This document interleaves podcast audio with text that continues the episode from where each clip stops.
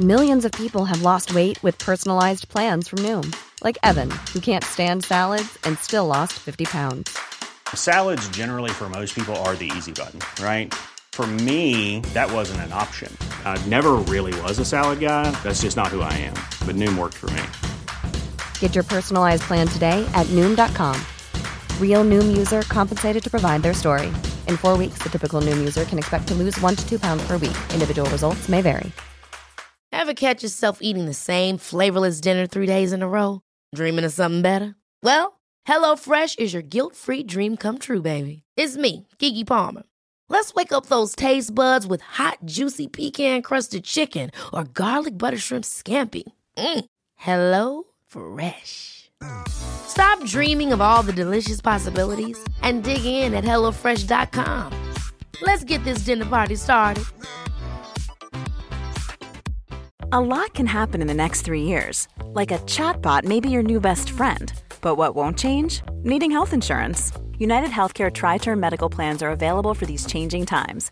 Underwritten by Golden Rule Insurance Company, they offer budget friendly, flexible coverage for people who are in between jobs or missed open enrollment. The plans last nearly three years in some states, with access to a nationwide network of doctors and hospitals. So, for whatever tomorrow brings, United Healthcare Tri Term Medical Plans may be for you. Learn more at uh1.com. I can discuss some of the psychological aspects of the case. You've got to get a hold of yourself. Now look here, Johnson, I'm going to get to the bottom of this. I can discuss some of the psychological aspects of the case. And you're really crazy, you know that? Oh, yes, I remember that. Is this any concern of yours? Stop, stop, stop it now. I mean it. Ja, hei, det er psykolog Sondre Livrød her. Diagnosen er dessverre svært alvorlig. Det viser seg at alt tenker og føler er feil. Du må for all del ikke stole på hjernen din, den lyver. Alt du opplever er filtrert via nevroser fra ubevisste avkroker. Hvis du følger nøye med, er en liten mulighet for at jeg kan hjelpe deg.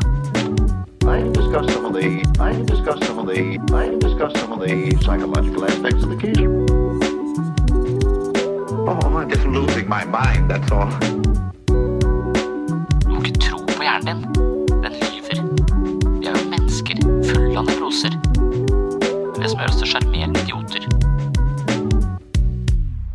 Dagens episode skal jeg nok en gang dykke ned i menneskets ubevisste sjelsliv. Jeg skal se på mytologien om varulver og hvordan frykten for aggressive og ubevisste drivkrefter i menneskets indre liv har fascinert og skremt oss siden tidenes morgen. Det bor krefter i det ubevisste som kan trenge gjennom til overflaten med voldsom kraft og frarøve oss kontrollen på eget liv.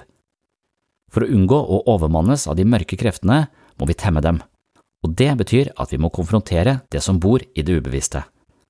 En slik konfrontasjon kan være meget utfordrende, men det er også veien til et liv med mer selvinnsikt og mer psykologisk frihet.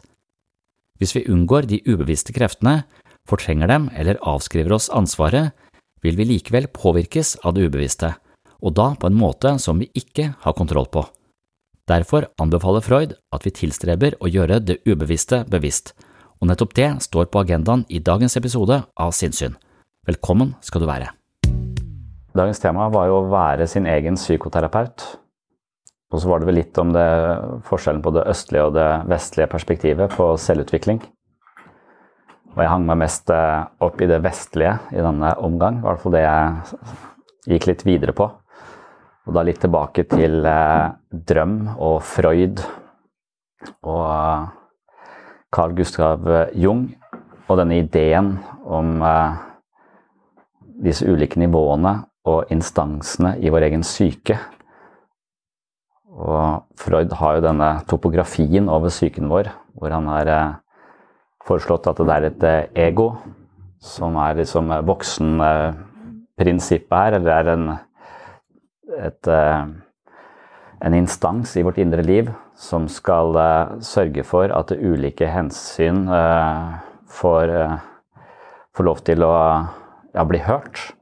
Og så må, han, må dette ego også dempe en del hensyn, så da er vi som skrudd sammen på den måten at vi har masse underliggende følelser som kan være, ifølge Freud, mye seksuelt begjær og en del aggresjon, som han sier ligger i id.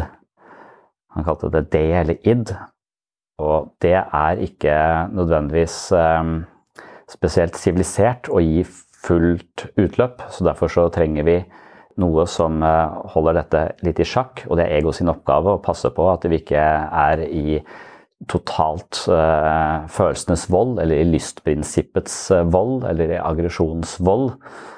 Og da har vi også en, en kultur som uh, legger liksom beslag på menneskets dyriske behov. Da. Så kulturen vår er noe som ligger som en slags besky... den, den holder nede en del av disse behovene. Og Freud i ubehaget i kulturen så sier Freud jo mer sivilisert en, en, en, verden blir, jo mer kultur vi får, jo trangere blir det å være menneske, for da må vi bruke enda mer Da blir disse underliggende impulsene holdes enda mer nede, undertrykkes. Og det kan føre til mer nevroser, ifølge han. Så vi har ego, så har vi id, og så har vi superego, som er en slags internalisering av foreldrenes formaninger. Og det, det vi driver med med barn, er jo ofte å fortelle de hva de kan og ikke kan gjøre. Ikke sånn, nei, ikke gjør det. Ikke, jeg sier veldig mye nei. Eh, og det er liksom sånn for å rettlede og installere en form for verdier og systemer som de må forholde seg til. Så superego er en internalisering av både samfunnets, men også foreldrenes eh, formaninger.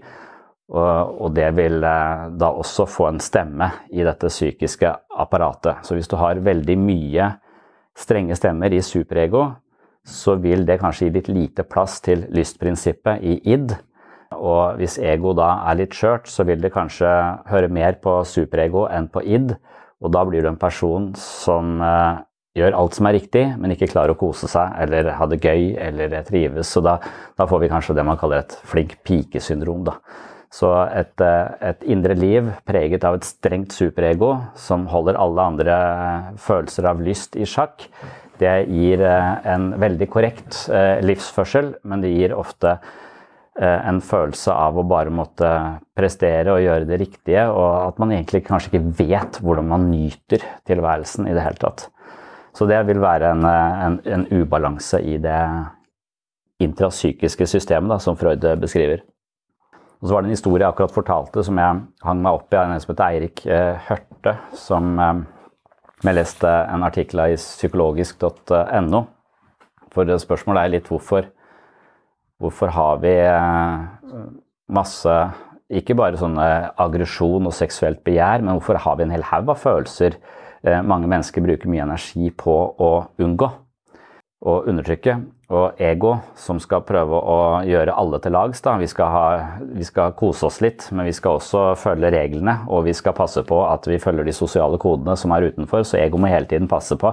Det er en jævlig vanskelig eh, oppgave. Jeg har tenkt at det er litt som å være lærer, nesten, i en skoleklasse hvor det er sykt mange elever med ulike behov og ulike temperament og ulike stemmer.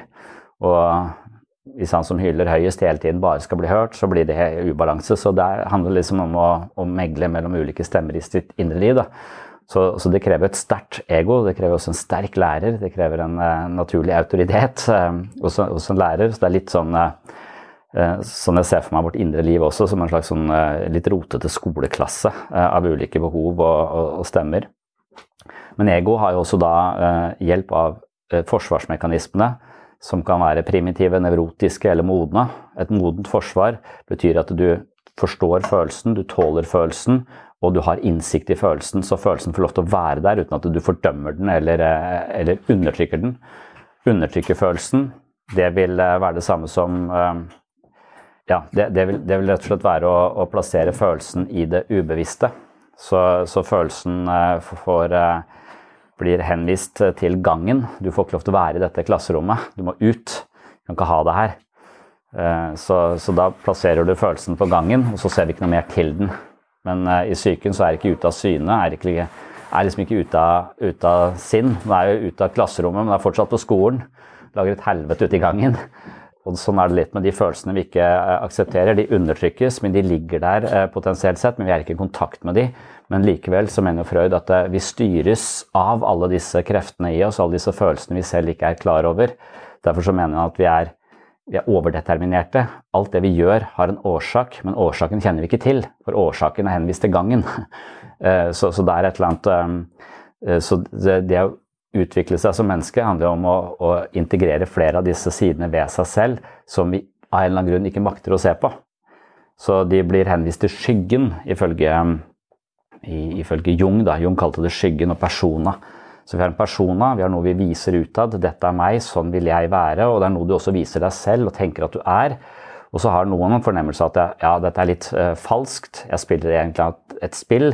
Det er noe annet her som jeg ikke vil vise verden. Og så er det noen som kjenner det, men også har en hel haug med sider som de ikke egentlig selv kjenner engang. Som de er helt uh, ukjent med. Og som uh, ifølge Freud kommer til uttrykk da i drømmen, f.eks. Så drømmen er kongeveien til det ubevisste. Så, så drømmen er også da sentral i denne Det å være en psykoterapeut på seg selv i en sånn psykoanalytisk forstand vil det være å være veldig opptatt av drømmene sine og finne stadig vekk dypere lag i, i drømmene. For når vi er i en våken eh, tilstand, så vil vi eh, ha dette forsvaret parat, og så vil vi sørge for at vi beholder sjelefred, sånn at vi ikke får følelser som overvelder oss. Og Noen ganger så har vi følelser som er sterke og noe vi ikke aksepterer. Og så vil vi ikke undertrykke dem, men vi vil projisere dem ut. Så vi opplever at andre har den følelsen jeg egentlig har. Det er du som er sint, det er ikke jeg som er sint. Det er du som er urimelig, det er ikke jeg som er urimelig. Så vi projiserer følelsen, følelsen, ut og legger den over i eh, andre. Og i verste fall så blir andre eh, den følelsen, dette projektiv identifikasjon. De tar imot den projeksjonen vi har sendt. For hvis du kaller noen sinte lenge nok, så blir de forbanna. Så da har du eh, det, er en ganske enkel dynamikk, egentlig. Men, men, det å bli et, et, større menneske handler om å på en måte pløye litt ukjent mark da, i den delen av sjelslivet vårt som ikke egentlig er eh, tilgjengelig, men som likevel kommer til syne, f.eks. i Freudian slips, eller det ligger alltid bak måten vi tenker, føler og handler på, men den er ikke åpenbar. Og det psykiske forsvaret vårt sørger for at det ligger på utsiden fordi vi, vi har en idé, en slags følelse at vi vil, vil bli for mye turbulens hvis vi skal ta inn over oss alt dette her. Dessuten så er det ikke sosialt akseptabelt. Så forsvaret vårt er som en slags portvokter som sørger for at de ubevisste kreftene ikke kommer til overflaten. Men eh, når vi sover, så vil portvaktene også hvile. De vil aldri sove, men de vil hvile.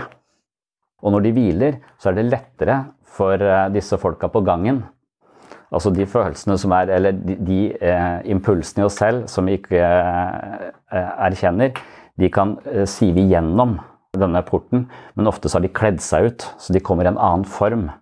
Så de er utkledd, så det er en følelse her som er utkledd som noe annet, og det er drømmen. Så de viser seg i drømmen, men eh, også for at drømmen ikke skal bli for overveldende og vi skal måtte flykte fra det, så kommer det en forkledd form. da.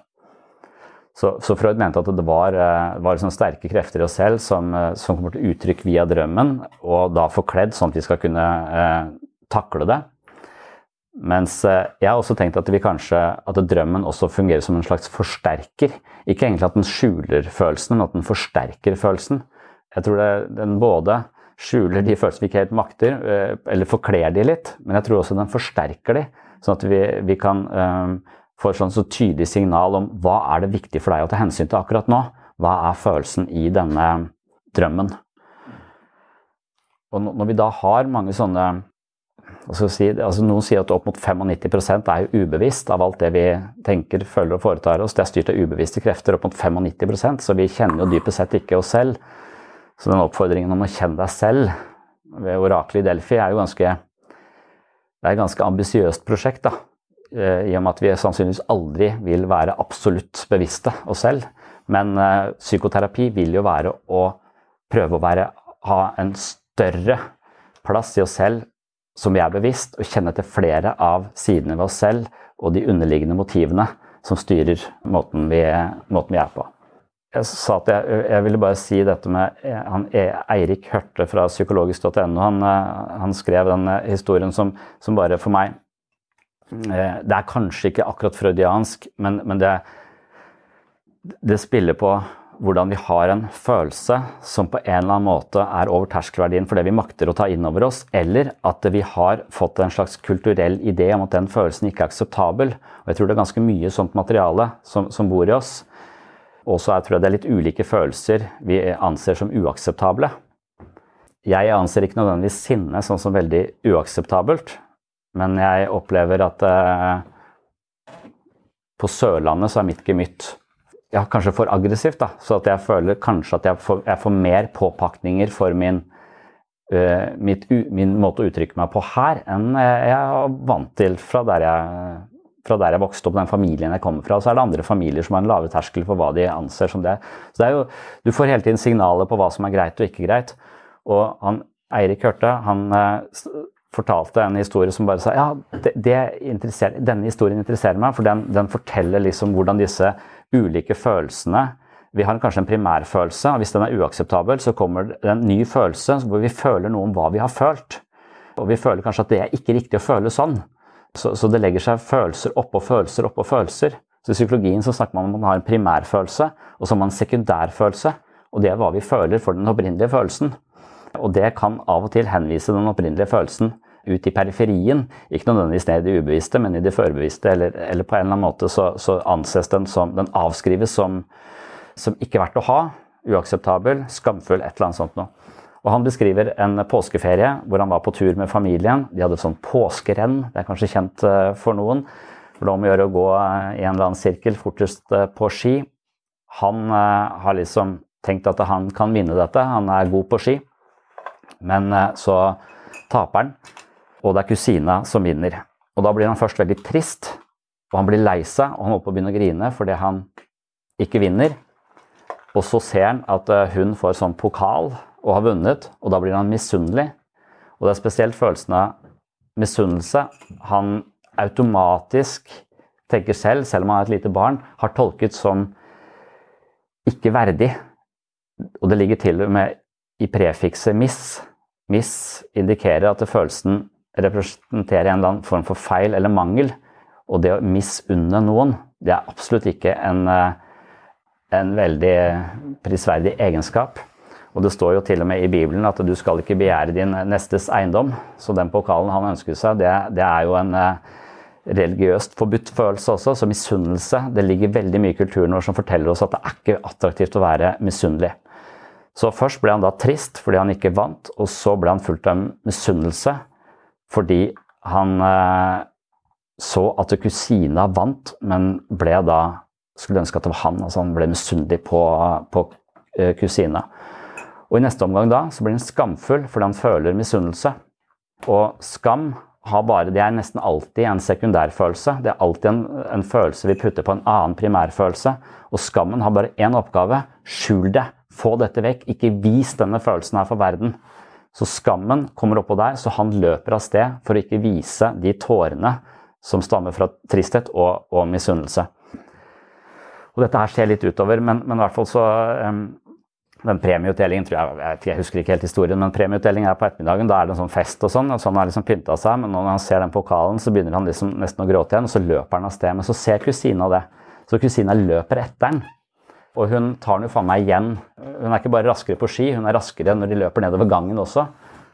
Han løper alt han kan nedover i gangen, og han merker at hun kommer bare tettere og tettere på. Han ser at han gråter, og han trenger en årsak for å gråte, så han går inn mot veggen, skrubber armen sin inntil veggen, så han får et stort sår på armen, så det begynner å blø.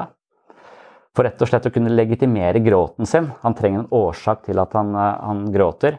Og når han da begynte å blø på armen, så setter han seg ned og så stirrer han eh, ned, så kommer hun kusina, og så spør hun hva er det for noe. For ser, hun ser at han gråter. Og da sier han jeg har vondt, uh, slo meg her. Og så står hun sånn og ser på han, og sier hun jeg tror ikke det er derfor du gråter. Jeg tror du er misunnelig fordi du ikke vant. Og der i det så ser hun jo rett igjennom. Hun ser rett inn på primærfølelsen, og hun sier primærfølelsen, hun avslører han. Så maska har sprukket. Han, har ikke, han, klarer ikke lenger å skjule det. Og da blir han rasende fordi han ikke engang klarer å skjule sin egen skam eller sin egen eh, misunnelse. Så, eh, så han, han, blir sånn rasende fordi han ikke klarer å kontrollere, ikke engang skjule, at han var så trist, misunnelig og skamfull. Så, så, da har du tre følelser. Du har tristhet, og så kommer misunnelsen, og så kommer skammen, og så kommer raseriet. Eh, og det er en kaskade av følelser i en og samme, eh, samme situasjon. Men der, tristheten er jo der, er utgangspunktet. Og det han nå kunne forvente, da, eller den, det denne kusina gjør, som, eh, som, er liksom Dette er en god historie, det er en happy ending. Det er det ikke Freud sine historier, for da drar de ut øynene sine og angrer på at de har uh, gifta seg med moren sin og har drept faren sin, og det er et helvete i de historiene der. sånn. Men dette er en god historie, for det hun kusina gjør, istedenfor å hovere over at hun har vunnet, så, så går, setter hun seg bare ned og gir han en klem. That's it. Hun gir han en klem, og det betyr for han at hun aksepterer Hun har sett primærfølelsen, hun har sett at han er misunnelig. Hun aksepterer han likevel og gir han en klem. Og da skriver han at eh, kroppen min smelta, og jeg begynte å gråte igjen. Men denne gangen var det en god gråt. Det var slike mystiske tårer som renser sjelen til et menneske. Og Det syns jeg var ganske poetisk skrevet. Det han opplever, er en slags aksept på primærfølelsen. Men jeg tror veldig mange ikke har opplevd den aksepten på primærfølelsen. Derfor har de bare fortsatt å løpe nedover den gangen eh, og unngått å bli tatt igjen og prøvd alt de kan for å skjule den opprinnelige eh, følelsen. Og kanskje noen ganger prøver å skjule følelser vi ikke engang vet hva er. Motiver vi ikke engang har peiling på, men vi fornemmer at det er et eller annet der. Og i og med at det er ubevisst, så er vi ikke lenger klar over hva det er. Så vi er egentlig på flukt nedover eh, den gangen, og det gjør livet ganske krampaktig. Det er også sannsynligvis symptomene våre. Altså Symptomene er, det som, er den uroen som dukker opp når eh, vi flykter ifra et eller annet vi ikke makter å stirre i hvitøyet. Så det å ta vekk symptomet, og jeg tror symptomet er litt som en drøm altså Symptomet er en slags vei inn til primærfølelsen. Da kan du forstå deg selv på et dypere nivå hvis du går via symptomet og videre. Mens i vår kultur har vi kanskje en tendens til å prøve å fjerne symptomet. Noe som også fjerner porten til det ubevisste. Sånn at eh, vi, vi trenger symptomet. Symptomet er, bærer på viktig informasjon om noe som ligger, eh, ligger lenger ned. Drømmen bærer også på viktig informasjon om noe som, som gjemmer seg i vårt indre, men som vi ikke makter å ta inn over oss. Og i og med at vi ikke makter å, å, integrere det som en del av oss selv, så bruker vi ekstremt mye energi på å holde det unna livet. Og det er all den mentale energien vi bruker på å unngå sider ved oss selv. Det psykiske forsvaret med å jobbe på høyspenn, det er det som skaper disse indre spenningene i livet vårt, og det er de som også genererer symptomer og slitasje. Så selvutvikling vil være å gjøre det ubevisste bevisst. For da kan vi, hvis vi aksepterer det, hvis vi forstår det, så kan vi integrere det. Og da vil det ikke lenger ligge i skyggen av oss selv. Vi vil være klar over det, og vi vil kunne håndtere det på en helt annen måte. Vi vil eie uh, denne, denne, følelsen. Og dit vil vi aldri komme, men det er liksom hele prosjektet i psykoterapi er jo å, å rydde mer skog, ser jeg for meg. For skog er ofte ofte assosiert med det ubevisste i, i sånne fortellinger om uh, ja, I mytologien vår da, så, så, tenkte jo Jung tenkte at mytologien vår, altså de store fortellingene, det er kollektive drømmer. Og de forteller noe generelt om hva det vil si å være menneske. Og så har vi individuelle drømmer, som forteller noe mer spesifikt og personlig om hva det vil si å være meg. Eh, og være redd for de følelsene jeg er redd for. Men drømmene har også rudimenter av det som har skjedd med oss de siste dagene. og Det kan være noe læring i det. Også, det er masse ulike teorier om hvorfor vi drømmer. Men i Freud sin forstand så er det en slags kongevei til det ubevisste. Og hvis vi klarer å forstå drømmen, hvis vi klarer å møte det som vi er redd for, så, så, så, vil vi, så, vil det være som liksom jeg ser for meg at jeg bor i et hus, og så har jeg en sånn rydning rundt det huset hvor jeg har oversikt, men så er det skog rundt der. Hva som foregår inn i skogen, det er uklart for meg, for jeg ser ikke inn i skogen, det er mørkt der inne. Men det å gå litt inn i skogen og prøve å rydde litt eh, der inne, kanskje kappe noen trær og få litt større oversikt, det vil være å utvide horisonten for hvem jeg er, sånn at jeg har større plass til å leve på. Og at jeg slipper å måtte leve så trangt. Jeg får, jeg får, større, jeg får større, rom. Så jeg hogger litt trær i utkanten uh, av denne rydningen som er meg.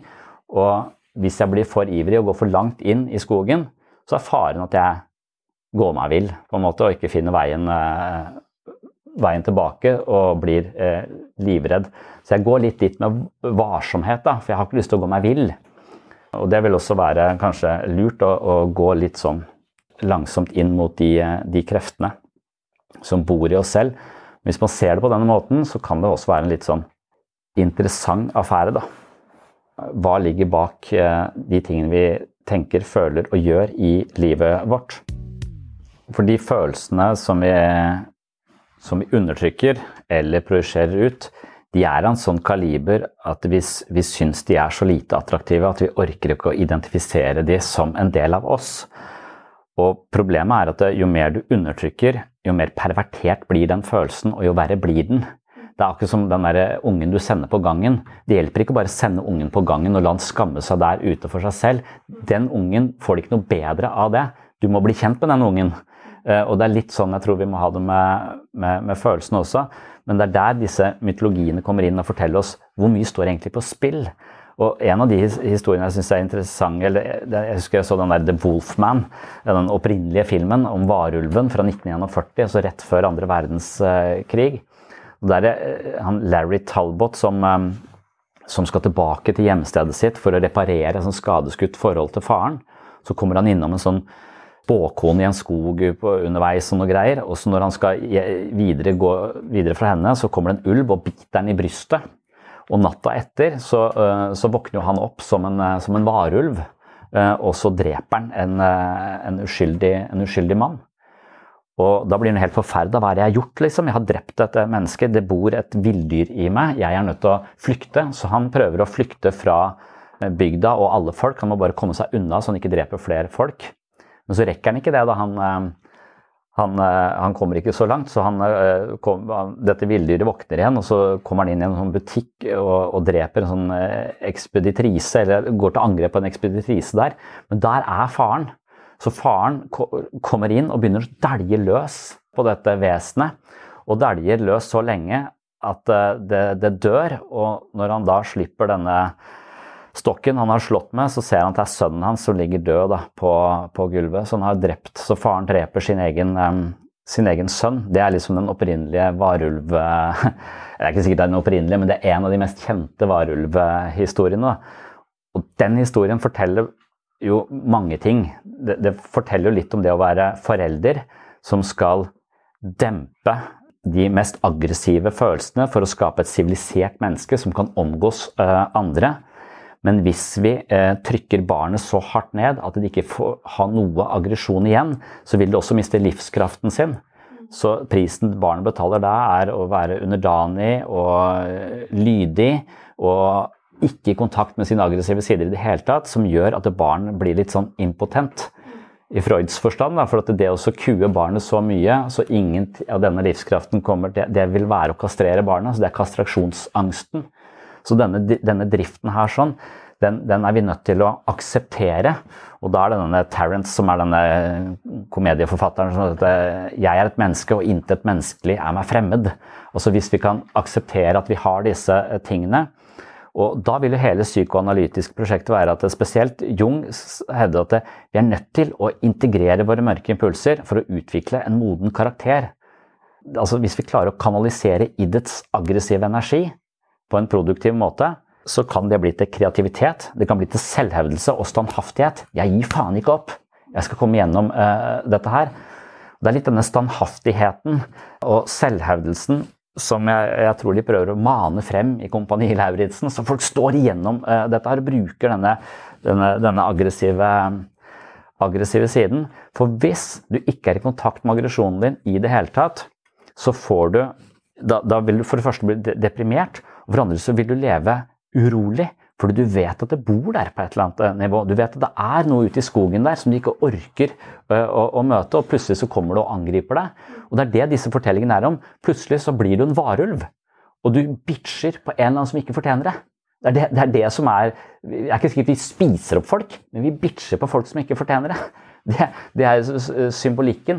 Samme med Dr. Jekyll og Mr. Hyde. Da, da, det er to Han er en sånn eh, doktor, perfekt, han er lydig samfunnsborger, fantastisk lege, veldig snill osv. Og så blir han et monster på natta, for han klarer ikke å integrere disse her. Så, så det å liksom kunne Vi er nødt til, vi er nødt til å, å, komme og akseptere disse sidene ved oss selv. For vi må ikke vike blikket, skriver, eh, skriver Jung, om vi ønsker å navigere stødig gjennom livets gråsoner. Hvis vi virkelig ønsker å bli kjent med hele vår personlighet, så er vi nødt til å stirre ulven i hvitøyet. Og det er såpass altså du sier, Ja, det er, det er bare en følelse av misunnelse.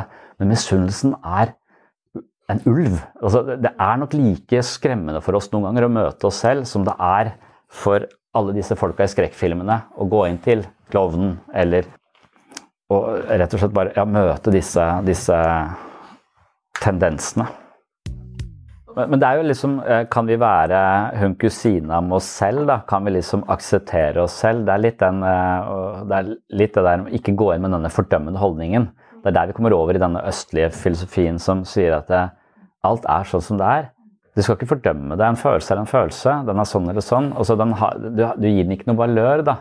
Så det, det, vil være en litt sånn Hele prosjektet, hvis du klarer det, det er mer sånn mindfulle, ikke-dømmende innfallsvinkelen til deg selv, så vil det være en slags ja, det vil ligne dette eh, analytiske prosjektet. Så det handler egentlig bare om å møte seg selv uten, uten fordømmelsen. Og det handler akkurat som kusina møter han uten fordømmelsen.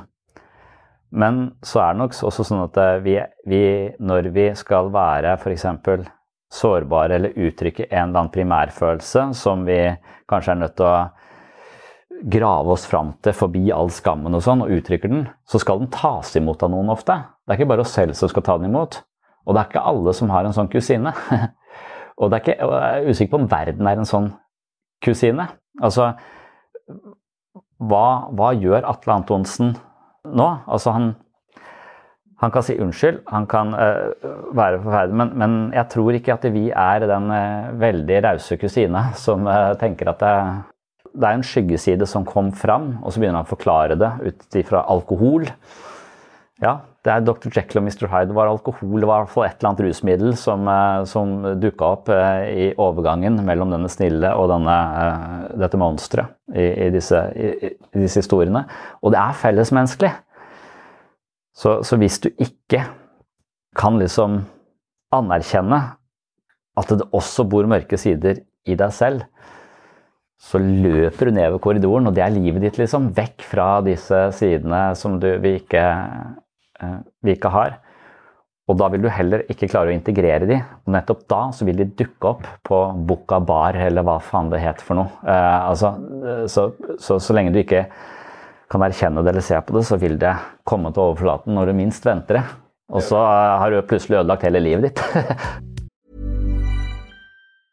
When you're ready to pop the question, the last thing you want to do is second guess the ring. At Bluenile.com, you can design a one of a kind ring with the ease and convenience of shopping online. Choose your diamond and setting. When you find the one, you'll get it delivered right to your door. Go to Bluenile.com and use promo code LISTEN to get $50 off your purchase of $500 or more. That's code LISTEN at Bluenile.com for $50 off your purchase. Bluenile.com code LISTEN.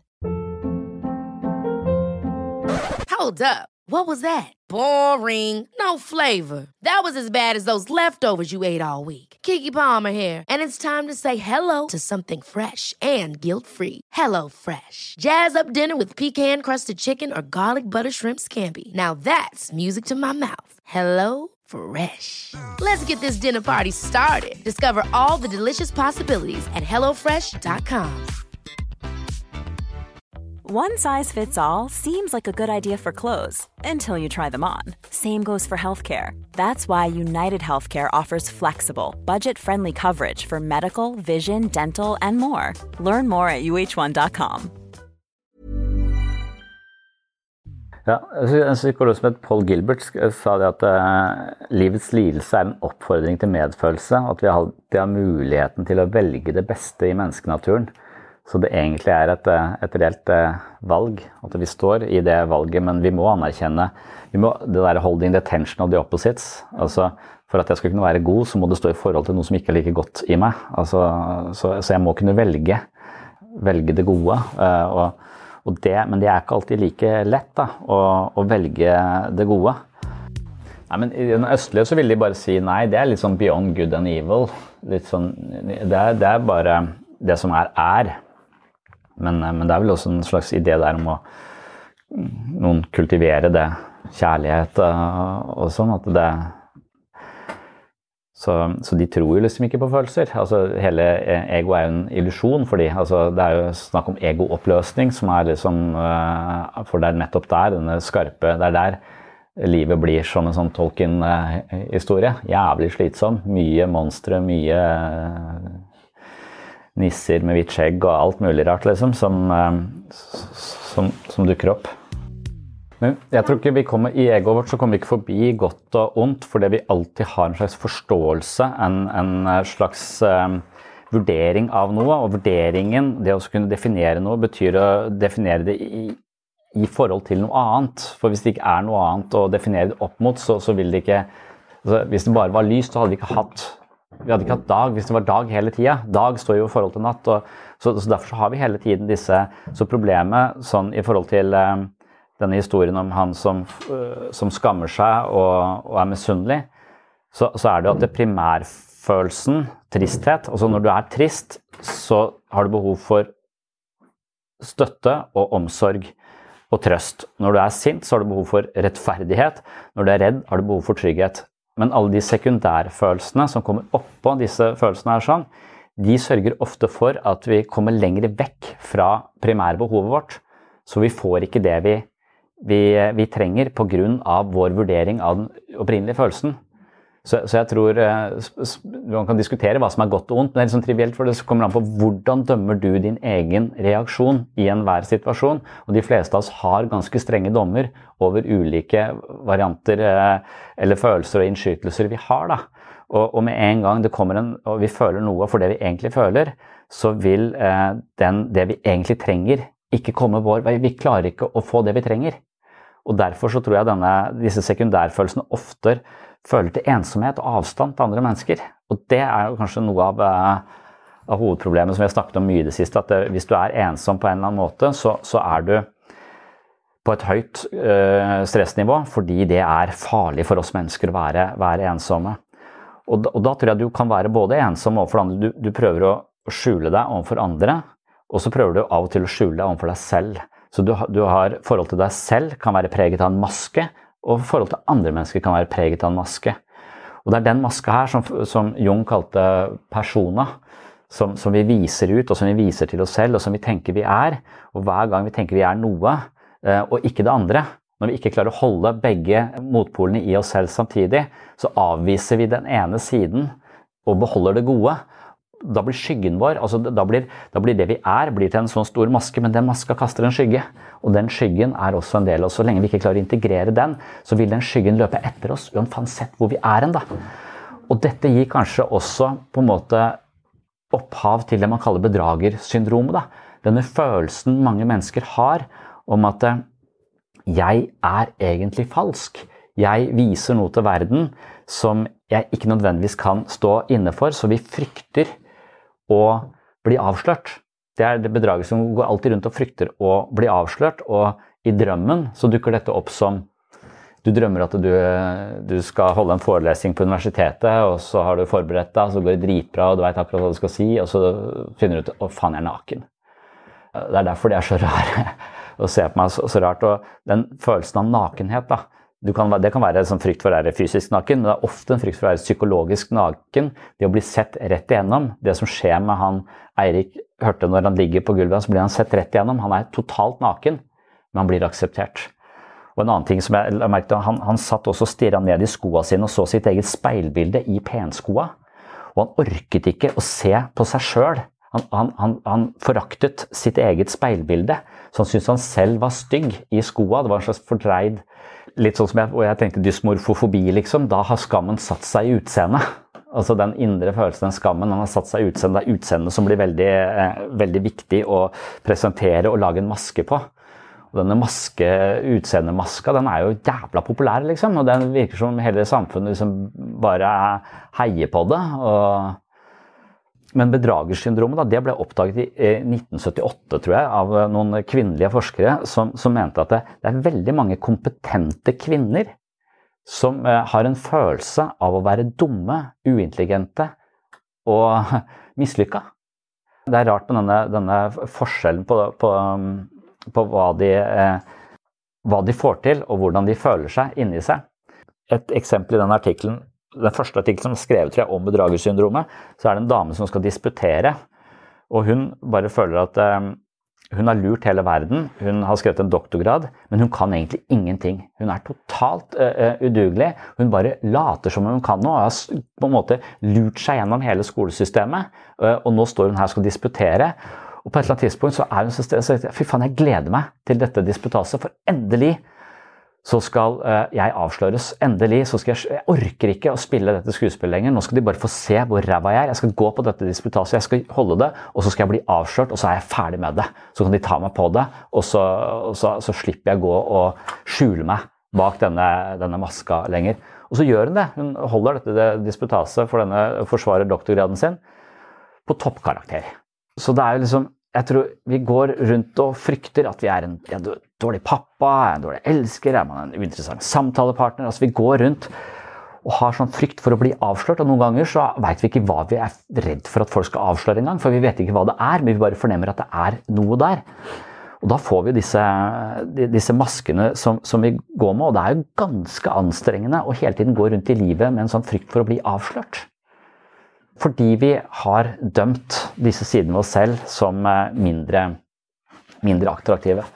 Jeg tror jeg har sagt det før. Jeg drømmer fortsatt Altså 30 år etter muntlig eksamen i matematikk 3MX, så drømmer jeg at eh, jeg lurte meg unna og at de på et eller annet tidspunkt kommer til å ringe fra Nøtterøy videregående og si at du, du, har jo ikke, eh, du har ikke karakter i matte, så du kan jo ikke jobbe med det du jobber med, for det var et krav om å ha matte. Så, så at jeg egentlig bare må begynne på nytt. Og, det, og, og nå er jeg helt elendig. Jeg klarer ikke å hjelpe dattera mi på 13 i matematikk, liksom. Men jeg vet hvor det kommer fra, for jeg husker den muntlige eksamen veldig godt. Og jeg vet at jeg har tatt muntlig eksamen. Og jeg vet at jeg egentlig kunne var ganske flink eh, i matte opp til et visst nivå. Men så kom det et jævla spørsmål mot slutten av den matteeksamen hvor jeg skjønte Jeg hadde allerede bestemt meg for at akkurat det siste vi har snakka om her, med sånn sannsynlighetsberegning og sånn, det skjønner jeg bare ikke. Jeg klarer ikke å vri hodet mitt rundt det. Jeg klarer ikke å få en forståelse av det. Eh, så jeg ga det litt opp. Så jeg bare hørte på hva læreren sa om det, for det hadde vi hatt noen uker tidligere. Og så bare Ja, ja, han sier det. Og så på en eller annen måte så huska jeg hva han sa. da, Så når jeg fikk det spørsmålet, så bare gjentok jeg nærmest ordrett hva han læreren hadde sagt, uten å vite hva jeg prata om. Så jeg hadde ikke peiling på hva jeg snakka om, men jeg bare sa det. Og så trodde de på det. Så, så jeg, for jeg sa jo de riktige tingene, men jeg hadde null forstå Jeg var som en papegøye. Jeg innbiller meg ikke at papegøyen skjønner hva den snakker om. Jeg bare innbiller meg at den bare aper etter. ikke sant? Så jeg sto bare der og apa etter læreren, og så trodde de på det. Og da fikk jeg god karakter i muntlig 3 MX, som jeg ikke fortjente, for jeg var falsk. Og det drømmer jeg faen meg om enda. Og jeg tror ikke det er derfor jeg drømmer om det. Jeg bare tror jeg drømmer, kanskje drømmer om det når jeg har følt meg falsk i noen situasjoner, eller hvor jeg føler jeg påtar meg en eller annen sånn rolle som jeg egentlig ikke helt føler kan stå inne for. Da. Så føler jeg en sånn grad av, falske, av, falskhet, og da begynner jeg å drømme at jeg, ikke, at jeg juksa meg unna matteeksamen. Jeg gjorde det samme i tysk. Jeg, jeg, jeg bare lærte meg masse setninger som jeg bare sa. Og når folk stilte meg spørsmål, på muntlig eksamen i tysk, så bare, så bare prata jeg ved å si Men det hang jo ikke på greip. Men det var så, altså, Han er litt rar, han der, tror jeg bare tenkte. Altså, han, hvorfor sier han det i denne sammenheng? Ja, ja. Og så tror jeg de vil bare la godvilja til. Og det er jo tysk! Vi hører jo det er tysk. Det gir null mening. Så, så, det var kanskje Men jeg drømmer ikke så mye om det tyske greiene som jeg gjør med matte. Ja, for jeg tror den, den, dukker ikke opp som en sånn, den, den, dukker opp som nettopp at nå er det det som er på spill. Det viser meg at det, på en eller annen måte nå så er jeg ikke helt eh, jeg er ikke helt i pakt med meg selv. da. Er, eh, det er et eller annet jeg Det er en variant å eh, føle at man blir avslørt på, på noe. Det er sånn, sånn Keiserens nye klær-tematikk, er det ikke? Altså, men det er kanskje litt sånn motsatt. altså.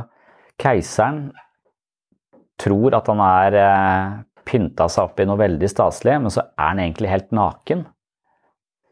Så det er jo, jeg vet ikke om det er jo kanskje det motsatte av et bedragersyndrom, egentlig. For et bedragersyndrom så kan du noe, du har klær på deg, men du tror du er naken. Mens keiserens nye klær er liksom det motsatte. da.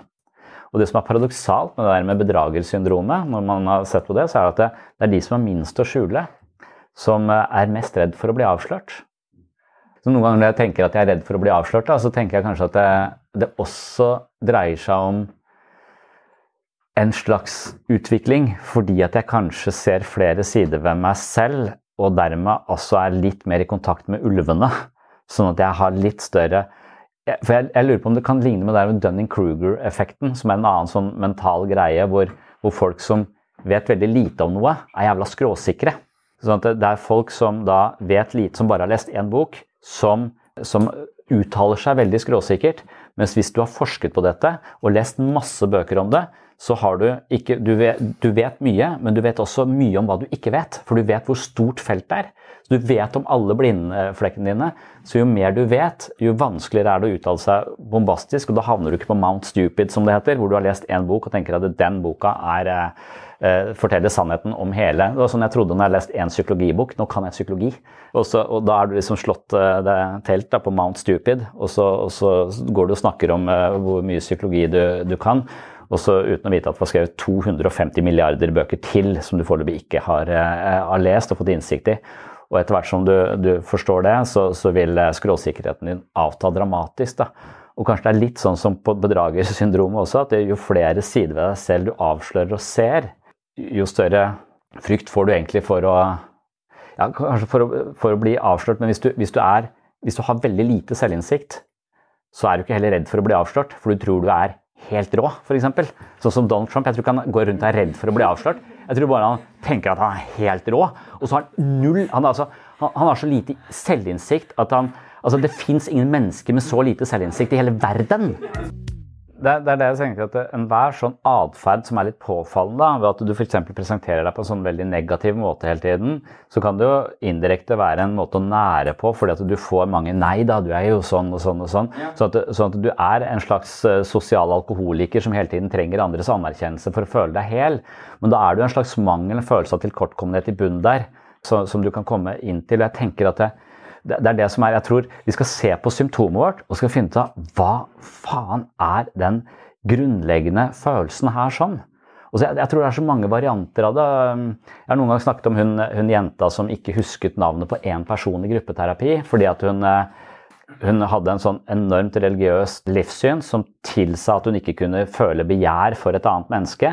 Og her satt en sånn småkriminell, veltrent eh, rabagast som jeg tror hun var enormt betatt av. Og hennes måte å unngå den følelsen av begjær for han, som var totalt forbudt hos henne, var å aldri huske navnet til vedkommende.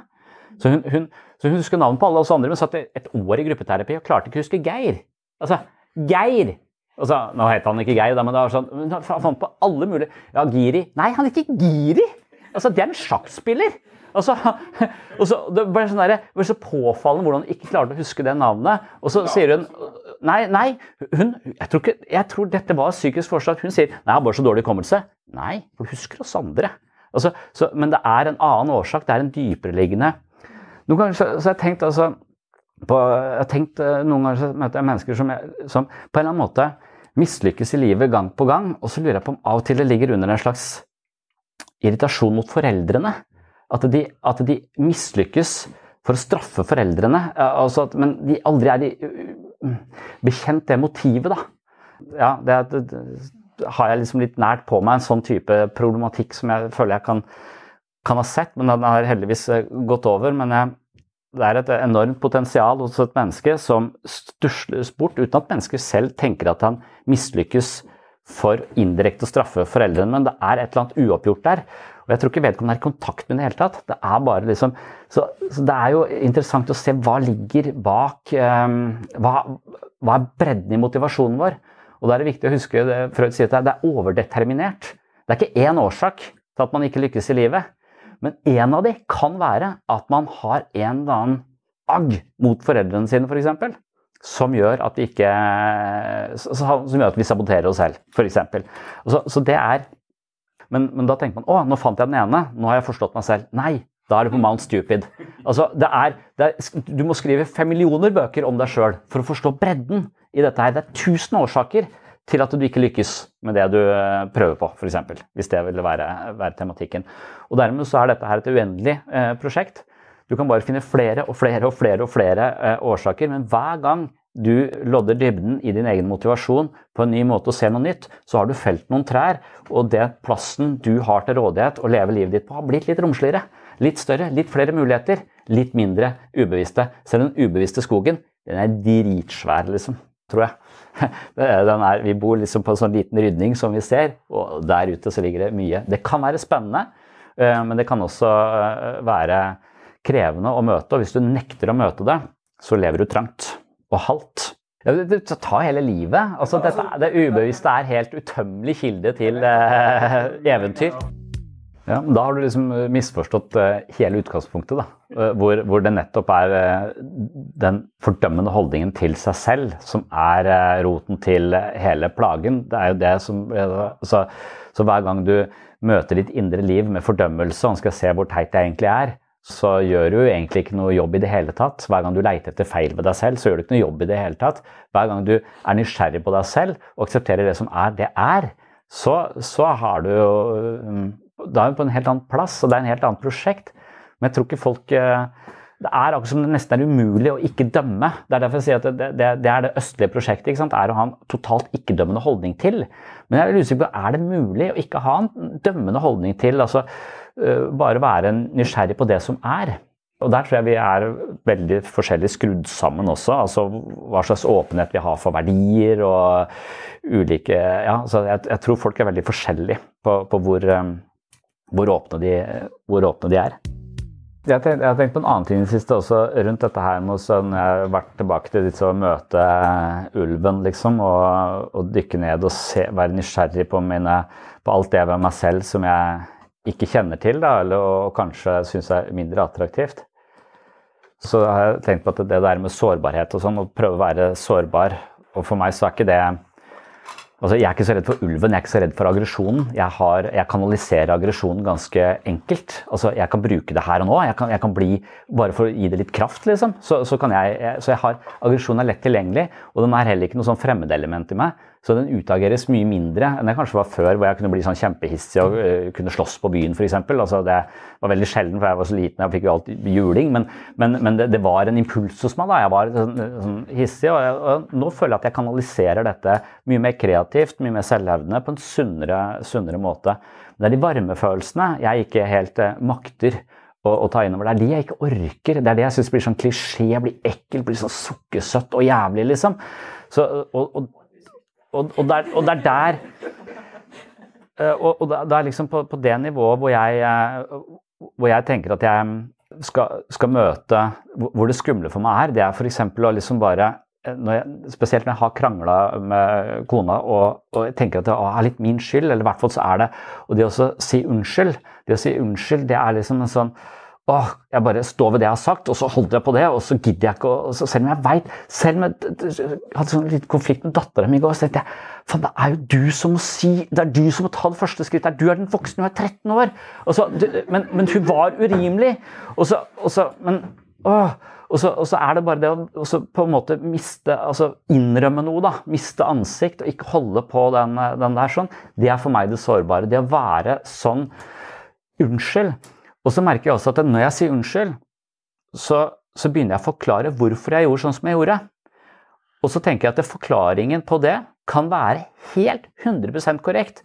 Jeg sier ikke at den er det, men la oss si den er det, da. Pga. Eh, den følelsen jeg har, pga. at jeg er såpass introvert, og når du presser meg til det, så blir jeg sur, bla, bla, bla. bla. Jeg kan ha en lang psykologisk forklaring på hvorfor jeg utagerer akkurat sånn som jeg gjør. Og med en gang jeg har gitt den forklaringen, så har sårbarheten min forsvunnet. Det er ikke sårbart lenger. Jeg har ikke møtt ulven. Jeg har bare bortforklart ulven, på en måte, selv om det er en legitim forklaring. Så jeg skjønner ikke helt eh, altså, Hvis jeg bare sier eh, unnskyld, så tar jeg fullstendig ansvar på en måte for den følelsen. Da møter jeg ulven, jeg tar ansvar. Jeg forklarer den ikke selv om forklaringen er riktig. Og det er litt sånn jeg føler med diagnoser også av og til, at det, det kan være forklaringer som frarøver oss muligheten til å møte dyret. Eh, eller, eller, ubehaget, for forklaringen gjør at vi på en måte ansvaret, eller den derre den, den der å gå ut i skogen på egen hånd og møte disse mørke sidene i seg selv, det, det, det, det, blir ikke like potent fordi man har forklart pga. det, pga. konsentrasjonsproblemer og pga. den og den og den. og den, så, så, så, så, vil forklaringen ta litt sånn brodden av Det vil ødelegge for prosjektet om å virkelig eh, møte faenskapet, da. Ja, og det er det som skiller første og andre linje liksom i hjelpeapparatet, nesten. At, at i andre linje så forventer vi at du tenker at du skal inn i symptomet, du skal forstå symptomet, du skal ha mer smerte. Du skal gå inn i skogen hvor det er verre å være enn der ute. På, du er på flukt, da. Så du, du, du tenker jeg, jeg vil bare vekk fra Du må hjelpe meg å flykte. Få vekk det jævla symptomet som gjør at jeg kan få puste igjen. Og så, ja, vi skal bare ta det vekk med masse medisiner, så kjenner du ingenting. Kan du sitte liksom sånn neddopa midt i denne rytningen og, og slippe å, forholde deg til det. Og, og, hvis det er forventningen om at jeg skal få det så jævla mye bedre uh, ved å gå her, så blir du, da blir du skuffa. For, det, for det, det, nei, nei, vi skal, vi skal, være med deg inn i skogen. Og det blir jo enda verre enn det, enn var, uh, var, her. For det er liksom det motsatte av av det man tenker på helbredelse. For man tenker liksom, vi hører liksom, Sykehuset er, ofte, det er mest somatikk. Og da skal ting helbredes. Det skal bli bedre. Mens her skal det egentlig bli verre. Og det er så kontraintuitivt.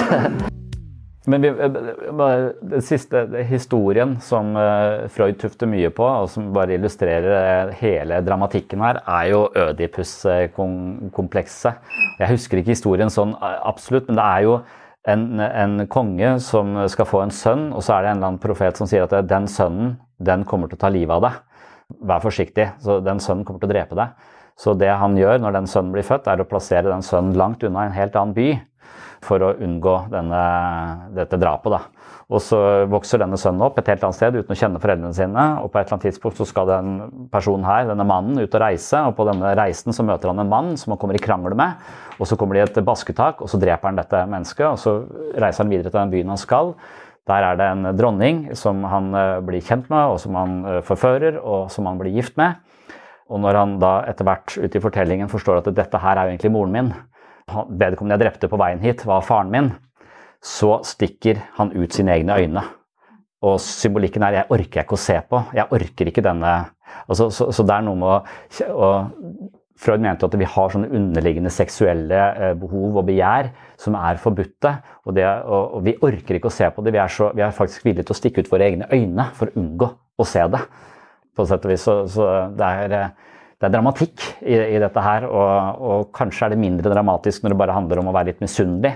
Eh, men likevel så tror jeg eh, mytologiene, eh, når drømmene også av og til forsterker følelsen, for å si at denne er en, du tenker på som en triviell følelse, men egentlig så har den dyp, stor betydning på et mer sånn eksistensielt nivå. Da. Så den fungerer som en forsterker av følelsen, snarere enn egentlig bare Den forkler den, men den forsterker den også.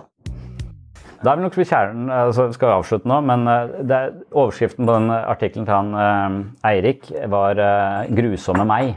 Det er også den filmen, spiller på den filmen 'Grusomme meg'. Så, så, når du sier at jeg kan være misunnelig på noen, men jeg ønsker også vedkommende vel, så er det integrert i deg. Du forstår og du aksepterer den følelsen, og du eier den følelsen. Spørsmålet er om vi har, eh, altså vi har grusomme sider som, vi, som, er såpass grusomme at vi ikke engang makter å se på de.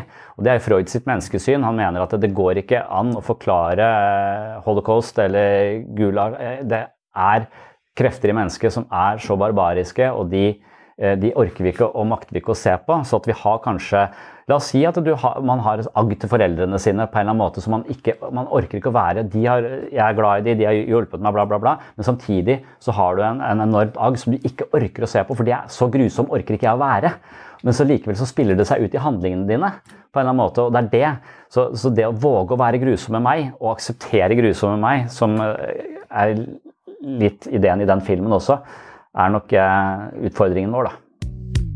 Takk for at du hørte på Sinnsyn. Hvis du liker innholdet her på Sinnsyn, så setter jeg pris på ratinger i iTunes og Spotify og på andre arenaer hvor det er mulig å rate denne podkasten. Og hvis du vil ha mye mer sinnssyn, masse, masse ekstramateriale, så er det jo via patron.com for segs sinnssyn, eller sinnssyn-appen som er stedet å gå. Da kan du bli medlem av mitt mentale treningsstudio og ta del i alt det som foregår her på denne podkasten, og da alt det ekstramaterialet som jeg legger ut hver eneste uke. Men eh, tematikken i dagens episode, altså, det var eh, dynamikker i vårt indre liv, og hvordan disse ofte er eh, utilgjengelige for vår bevissthet. Likevel ligger det bak og påvirker våre tanker, følelser og handlinger uten at vi vet det. Noen ganger er det slik at konflikter i vår underliggende motivasjon skaper en type nevroser som hindrer oss i å leve fritt, og da må vi avsløre disse dynamikkene for å frigjøre oss selv. Vi må gjøre det ubevisste bevisst, og det er prinsippene for den psykoanalytiske samtaleterapien. Freuds samtaleterapi handlet om å gjøre et dypdykk i menneskets ubevisste liv. Han var opptatt av arkeologi, og behandlingsmetoden hans var åpenbart inspirert av å grave i dybden for å finne skjulte elementer. Blant annet ba Freud pasientene sine om å snakke fritt uten å beherske seg selv eller tenke over det de sa. Han kalte det for fri assosiasjon, og tanken var at denne typen uhemmet snakk ville influeres av fortrengte følelser, og når disse dukket opp, ville Freud påpeke det og tolke dem tilbake til sin opprinnelige form. Gjennom denne prosessen fikk pasienten en mer oppriktig og sannferdig forståelse av seg selv, noe som løsnet opp i nevrosene og ga mennesket mer oversikt og innsikt i egne psykologiske mønstre. I neste omgang ville det gi mer forståelse for egne symptomer og mer kontroll over handlinger som tidligere var preget av nevroser. Freud mente at innsikten var kurativ i seg selv. Akkurat det siste er det delte meninger om, noen mener at innsikt er vel og bra, men at det også må sjøsettes i eget liv for å ha noen eh, innvirkning på vår livsførsel. Så du kan forstå deg selv, men den innsikten må du også bruke i praksis. Men det var ikke tema i dagens episode. I dag eh, ønsker jeg bare å inspirere deg til å dykke litt ned i de ubevisste kreftene, være litt mer nysgjerrig på den bakenforliggende motivasjonen bak det du tenker, føler og foretar deg i løpet av en dag, og kanskje spesielt være litt mer nysgjerrig på det som dukker opp på natta av eh, drømmer og ulike fantasier, og hva de kanskje ønsker å peke deg i retning av. Og det var altså dagens eh, episode. Takk for følget. Håper du henger med i neste episode. Oh, I'm just losing my mind, that's all.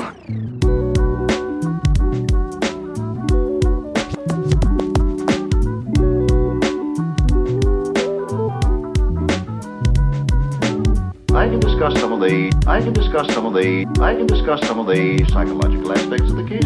Psycho, psycho, psychological aspects